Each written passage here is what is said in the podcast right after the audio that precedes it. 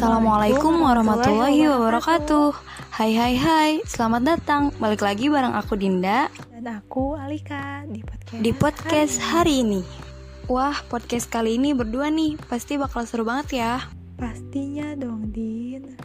Ngomong-ngomong, gimana kabarnya nih? Baik kok, aku sehat nih. Kamu gimana kabarnya Din?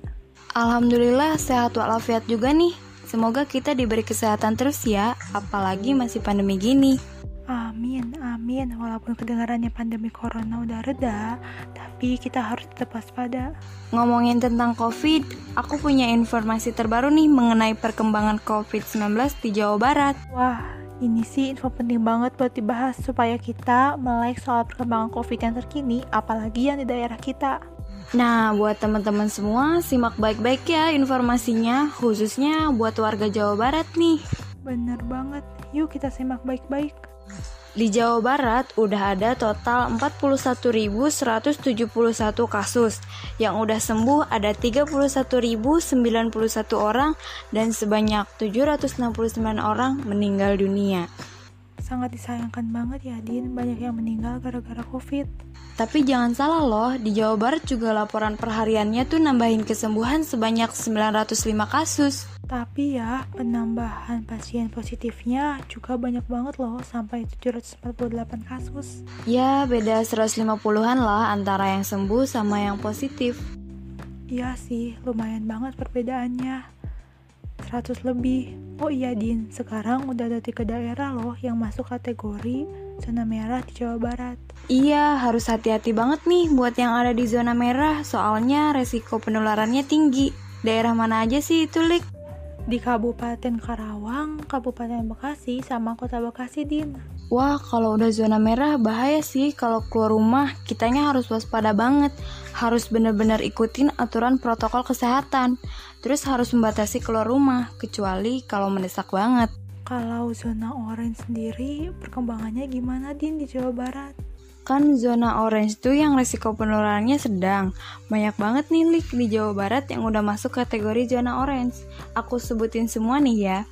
Ada Kabupaten Bogor, Sukabumi, Bandung, Tasikmalaya, Ciamis, Kuningan, Cirebon, Majalengka, Subang, Purwakarta, Bandung Barat, sama Pangandaran. Ada juga Kota Bogor, Kota Bandung, Kota Cirebon, Kota Depok, terakhir Kota Cimahi. Wah, gila sih, banyak banget. Ada 17 ya yang zona orange. Aku sampai hitung pakai jari saking banyaknya. Gimana nih tanggapan kamu? Menurut aku sih ya, kalau udah zona oranye itu udah satu tahap lagi kan ke zona merah. Kita harus hati-hati, waspada, juga jaga kesehatan. Apalagi ikuti aturan protokol kesehatan. Terus, mendingan kalau ada pertemuan yang sampai menimbulkan kerumunan, kata aku sih ya, mending tunda dulu aja atau dibatalin. Kan kita bisa tuh manfaatin aplikasi Zoom, Google Meet, atau atau yang lain selama pandemi kayak gini sih. Nah iya, harus ada kesadaran dari diri masing-masing juga sih yang paling penting soalnya kan balik lagi ke diri masing-masing buat kehati-hatian kita sama covid ini. Terakhir nih Lik, ada zona kuning yang resiko penularannya rendah. Ada tujuh nih, yang pertama Kabupaten Cianjur, Kabupaten Garut, Kabupaten Sumedang, Kabupaten Indramayu, Kota Sukabumi, Kota Tasikmalaya, sama Kota Banjar. Yang ini sih ya, kalau kata aku dikata aman enggak, bahaya juga enggak. Tapi balik lagi, kitanya harus jaga-jaga, tetap ikuti aturan protokol kesehatan. Soalnya kita kan nggak tahu ke depannya gimana. Setuju. Di Jawa Barat juga udah banyak rumah sakit rujukan buat pasien yang statusnya udah pasien dalam pengawasan COVID. Betul banget tuh, beberapa di antaranya ada Rumah Sakit Umum Dr. Hasan Sadikin di Jalan Pasteur nomor 38 Kota Bandung. Terus ada Rumah Sakit Umum Daerah Sekarwangi, Sukabumi di Jalan Siliwangi nomor 49 Cibadak. Kecamatan Cibadak, Kabupaten Sukabumi.